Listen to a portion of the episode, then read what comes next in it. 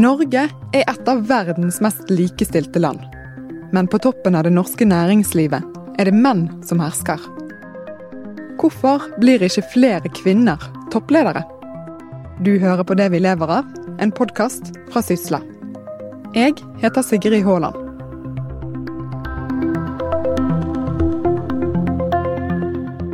90% av CEO-ene, altså administrerende direktør, er fortsatt menn. Så vi har en god vei igjen å gå. Dette er Susanne Kalutza, nylig ansatt som daglig leder i Ski Community. De jobber for å få til en bedre kjønnsbalanse blant ledere, nestorer og gründere. Tror du folk flest er klar over at det er en så sterk ubalanse blant toppledere? Nei, fordi at eh, vi er gode på mange ting som har med likestilling å gjøre. Eh, men vi blir faktisk rangert veldig lavt på listene når det kommer til dette med kvinnelige ledere og, og eh, kjønnsbalanse i ledelse. I en global undersøkelse som ble utført av den internasjonale arbeidsorganisasjonen ILO, kommer Norge faktisk helt nede på 50.-plass når det kommer til andel kvinnelige ledere. Og da er vi langt under land som en ting er Island og Canada og Belgia, men vi er også under Ukraina og Russland, og også et land som Sveits, som tross alt fikk eh, stemmerett for kvinner så seint som på 70-tallet. Hvordan kan det ha seg at vi skårer så lavt på balansen blant toppledere, når vi ellers ligger øverst i likestillingskåringer? De to gjestene mine i dag er sjefredaktør i Bergens Tidende, Øyulf Hjertenes, og professor i ressursøkonomi og prorektor ved Norges handelshøyskole, Linda Nøssbakken. Linda, du er med på å forme morgendagens ledere. Og du, Øyulf, leder en avis som har hatt én kvinnelig sjefredaktør på 150 år. Det blir eh, spennende å høre hva dere mener om eh, dette temaet. Velkommen til begge to. Takk skal du ha. Takk. Aller først skal vi begynne med å spole tiden litt tilbake. For ca. 15 år siden, i 2003, så ble det vedtatt en eh, internasjonalt oppsiktsvekkende lov her i Norge. Eh, nemlig at det skulle være kjønnsbalanse i bedriftsstyrer. Hvordan har det gått siden den gang? Har det virket? Lova har virka helt fint, den. For nå har vi jo fått 40% kvinner minst i disse styrene for selskapet som har vært omfattet av lova. Eh, men om det har hjulpet utover, da, sånn som kanskje noen hadde forhåpninger og forventninger om, det er vel et større spørsmål. Eh, og der kan jeg da dra fram og skryte litt over kollegaer av meg, eh, Sissel Jensen på Norges handelshøyskole. Jeg publiserte i lag med noen medforfattere nylig en studie der de så på akkurat dette. Og de fant jo at eh, andel kvinner i styret har økt, altså etter formålet med, med, med lova. Og kvinnene som sitter i styret, er mer kvalifiserte enn før lova kom. Men det er ikke så mye mer, så det fikk ingen klar effekt på at det da blir mer kvinner som får innpass i, eh, i toppledelsen i disse selskapene, eksempel. Så selv om det har skjedd eh, endringer eh, mange steder, så har det stått ganske stille på toppen? Ja, det har vel det, da. Mm. Ja, Ni av ti toppledere er menn i dag, og før loven kom så var ni av ti toppledere menn. Så det at det har kommet mange kvinner inn i styrene har ikke ført til at styrene nødvendigvis har valgt flere kvinnelige kandidater enn det de gjorde før. Det finnes jo faktisk eh, et ord for dette fenomenet, og det kalles for eh, likestillingsparadokset. Og det er flere teorier om hvorfor det er slik. Men eh, hvis vi da begynner med utvalget av kandidater, hvor stor er forskjellen på menn og kvinner der? Da har jeg lyst til igjen gå tilbake til den studien, for de så på, på, på det òg. Og da, når du øker antallet kvinner som skal inn i styrer, for det gjorde de jo når de krevde 40% i alle styrer i de selskap som ble omfattet, så må du jo på en måte skaffe til veie mange flere kvinner enn det du hadde før. Men allikevel så var kvalifikasjon, eller kompetansen til de damene som satt i styret etter lova ble innført, var høyere. Så det har ikke vært et problem å finne velkvalifiserte kvinner. Så problemet er vel heller at de kvinnene ikke kommer seg opp i, i, i topplederstillinger i, i, i selskapene våre. Det som er jo typisk da, når du, når du spør mannlige og kvinnelige toppleder, hvorfor er det ikke så mange kvinner som uh, i lederjobber her, så svarer man gjerne det at kvinner søker seg ikke til toppjobber, og kvinner må søke seg mer til toppjobber. Det er svaret. sant? Underforstått at kvinner er for lite ambisiøse, har for liten selvtillit, er for passive, er for lite opptatt av karriere osv. Men det er jo en veldig overfladisk analyse, for man må jo, man må jo spørre seg hvorfor er det sånn igjen?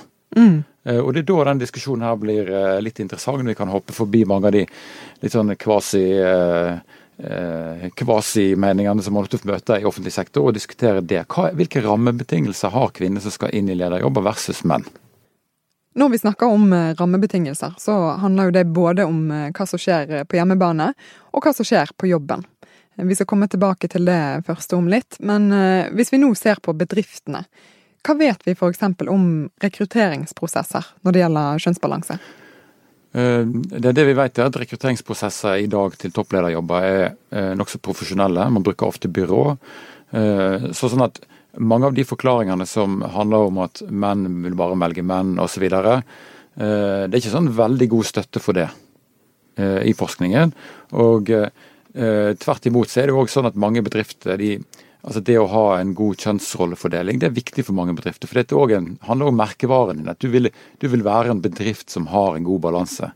Sånn at Det er lite som tyder på at akkurat de rekrutteringsprosessene at det er det store problemet her. Det er mer det at eh, tilgangen på kandidater eh, det, det er nokså stoppa opp før, de, før man kommer til den prosessen. Vi ser jo på norske data for det viser jo at kvinner har like relevant studie- og arbeidsbakgrunn som menn. Mange er òg like ambisiøse. Men så er det noe som skjer i småbarnsperioden, altså ikke når disse folka sjøl er småbarn, men når de har små unger. Der, der, de skiller seg fra hverandre, altså menn skiller seg fra kvinnene. Så selv om vi er veldig gode på likestilling i Norge, så er det et eller annet som henger igjen der, så antageligvis slår ut på, på i hva grad kvinnene klarer å komme inn og konkurrere ut menn til disse jobbene. Da er det over på liksom familiesituasjoner. for det, det er jo sånn at rundt to tredeler av de som eh, får direktørstillinger, de får de eh, når de er inne i 40, sånn grovt sagt. Og Det betyr at sånn ansvar, oppgave tidlig i karrieren, er, veldig, det er helt avgjørende for om du skal bli en toppleder. Og Det betyr at dette faller jo sammen med småbarnstida. Men den, den foreldrepermisjonen som vi har i Norge, kan jo i teorien deles likt. Men det skjer kanskje ikke helt på den måten? Det skjer kanskje ikke helt på den måten, men er det det som er det store problemet, eller er det det som skjer etter permisjonen som er problemet? For det vil mer hold for det at eh, etter permisjonen så er, tar mor mer av ansvaret. Eh, menn kan regne med at en kvinnelig partner er bakkemannskap på hjemmebane hvis man får større utfordringer. Kvinner kan ikke regne med det på samme måten eh, blant menn. Og Da er vi liksom inne på det, noe av det som er kjernen i dette her. Eh, hvilke rammebetingelser har eh, kvinner som er på vei opp, versus menn. Men det er jo da beslutninger som blir tatt i hjemmet? Ja, det er beslutninger som er tatt i hjemmet. Men hvis du snur på det og sier at og gitt at verden er sånn som den er, mm. hva kan da en bedrift gjøre? Fordi eh, ofte når man snakker om de tingene her, så eh, er det ut fra et likestillingsperspektiv, og kvinner skal ha like muligheter osv. Men et viktig moment her er jo òg at Eh, en bedrift, Det er i egeninteressen til en bedrift at man har en godt sammensatt stab og godt sammensatt eh, ledergruppe f.eks. Eh, så det betyr det at hvis du ønsker et mangfold i en ledergruppe i en bedrift, da må du legge til rette for det. Gjennom de forventningene som blir satt til en lederrolle. Hvor masse må du reise, mobilitet, synlighet i organisasjonen osv. osv. Eh, og igjen, ikke fordi at man skal drive noen veldedighet, men fordi at hvis du ønsker et mangfold, og det vet vi at det er bra for lønnsomhet eh, og vekst, eh, så må du legge til rette for det. Men det, måte, det kan jo høres ut som en selvfølgelighet, men det kan jo virke som at det, det skjer ikke likevel. Selv om man gjerne vet hvor man skal, så er det likevel noe som, eh, som skurrer litt. Og du er jo, du er jo toppleder i, i, en ganske mannsdominert bransje, må man vel kunne si. Altså Det er mannsdominert på øh, Hvis du snakker om, om, blant norske redaktører, så er det mannsdominert. Men hvis du tar i Bergens Tidende f.eks., så er vi på en 60-40 kjønnsfordeling. Ledergruppa her er jo rundt 50-50. Sånn at det som har vært skjevheten i mediebransjen, ofte handler om øh, eierkonsernene pluss i redaktørstillingene. Mm. Ja, for Som jeg nevnte innledningsvis, hvis vi ser på sjefredaktørene til BT, så har jo det bare vært én kvinne på 150 år. Det er helt rett. Ja. ja eh, hvordan forklarer du det? Nei, historisk sett så var det bare menn som jobba i pressen. Så, sånn, at, sånn det var før, så det er litt vanskelig å se på altså, hvordan, altså, Sånn var det på 50-60-tallet og, mm. og, bakover. Uh, at det sånn, uh, har vært sånn de siste årene, det er vanskeligere å forklare. Og det kan man uh, forklare Eh, delvis eh, med inn, altså gamle strukturer. Eh, og man kan også forklare det med, med tilfeldigheter. For Min spådom er det at mange av de ledende norske mediehusene i dag, BT, Aftenposten, VG osv., Uh, du, om, om, ti år så kommer vi til å se tilbake på at det er en helt annen fordeling enn det, enn det det har vært historisk. Ja, du tror det? Ja, jeg tror det. fordi dette starter, jo ikke, dette starter ikke med hvem som blir toppleder. Dette starter jo med i redaksjonen f.eks. hvilken journalist blir mellomleder, hvilken mellomleder blir redaktør, hvem kan bli prosjektleder osv.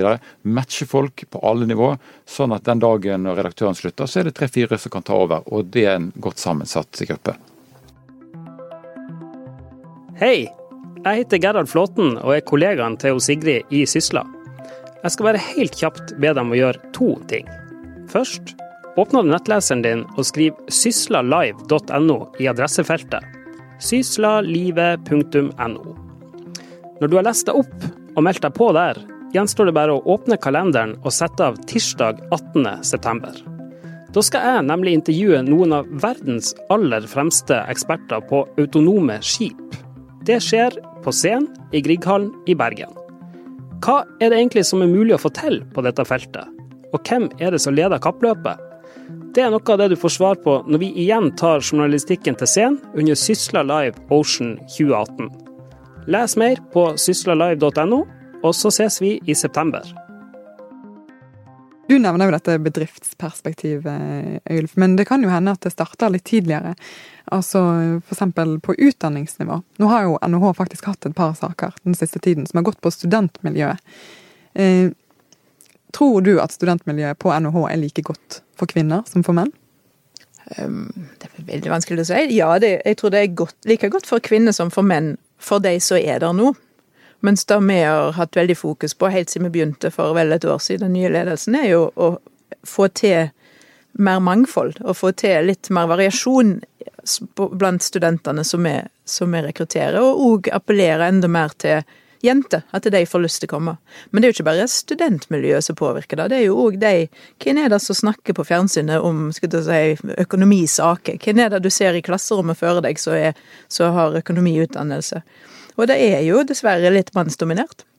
Uh, og vi jobber jo vi jobber veldig med det, å få inn flere kvinnelige førsteamanuenses professorstillinger.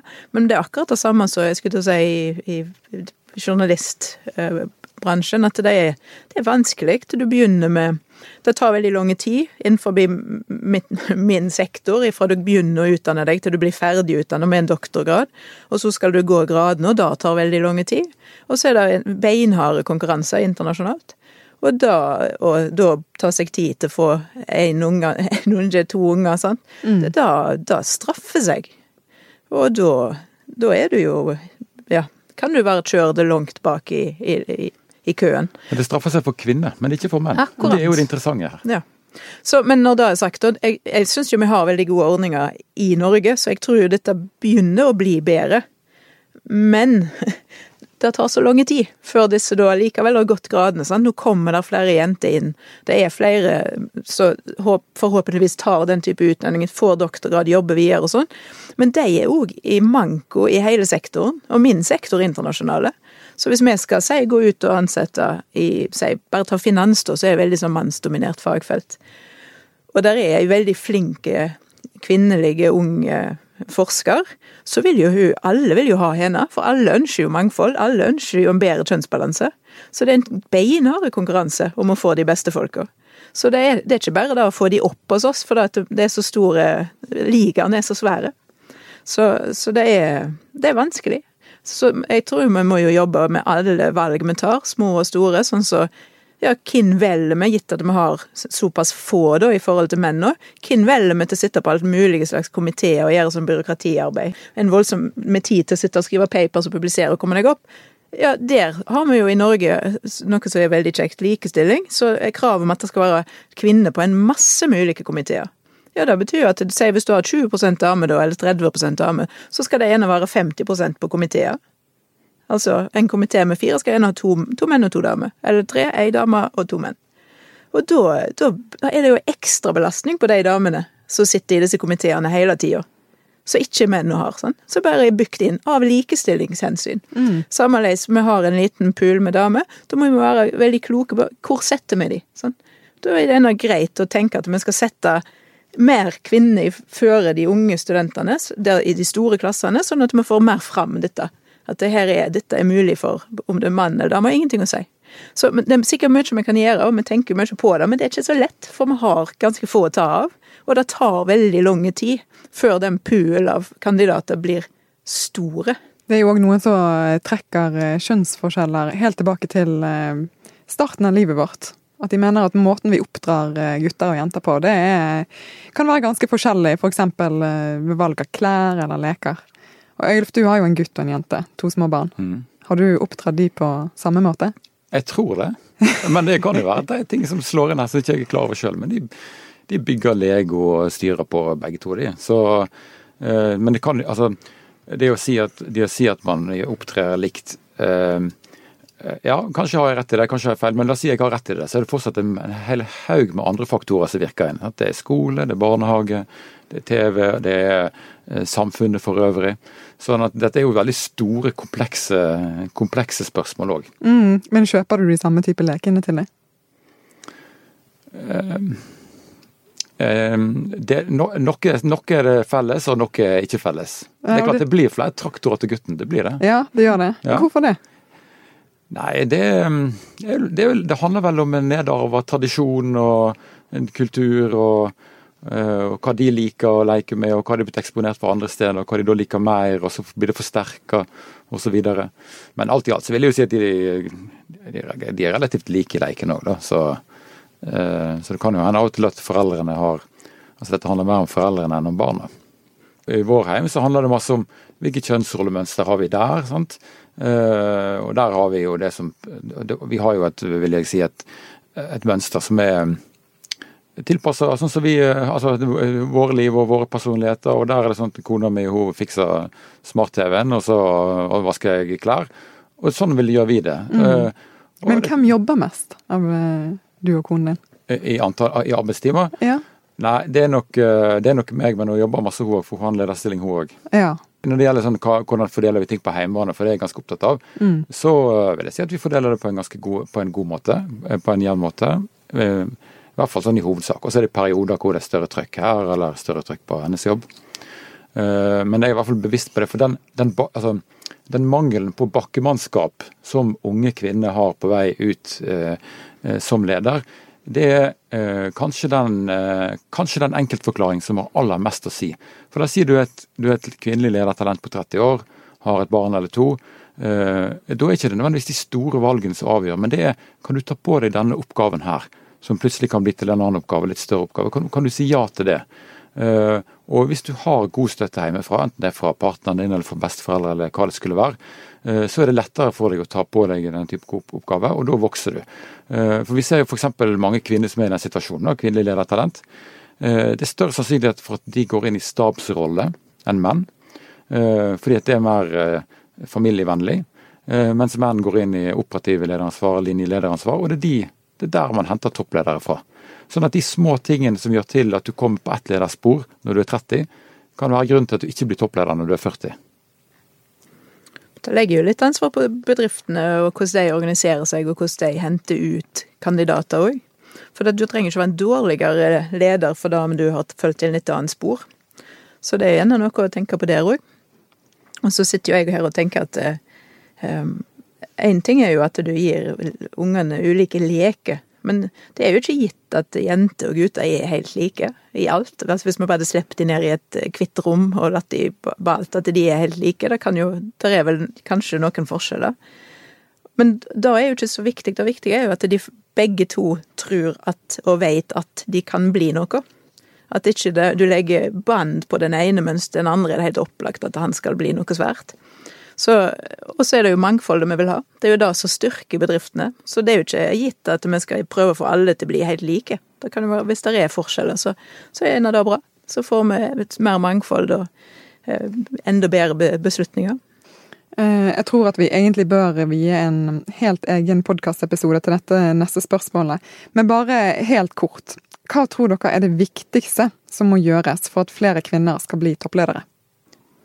Det er et kjempevanskelig spørsmål. Um, Jeg tror kanskje at vi må sende Vi på utdanningssida, må jo gjøre vår bete. Men det jeg vil si er òg at vi må sende denne utfordringen ut til, til næringslivet, til bedriftene og organisasjonene som rekrutterer. De må, de må ikke bare se på hva har du gjort så langt, de må se på potensialet, hva kan du gjøre.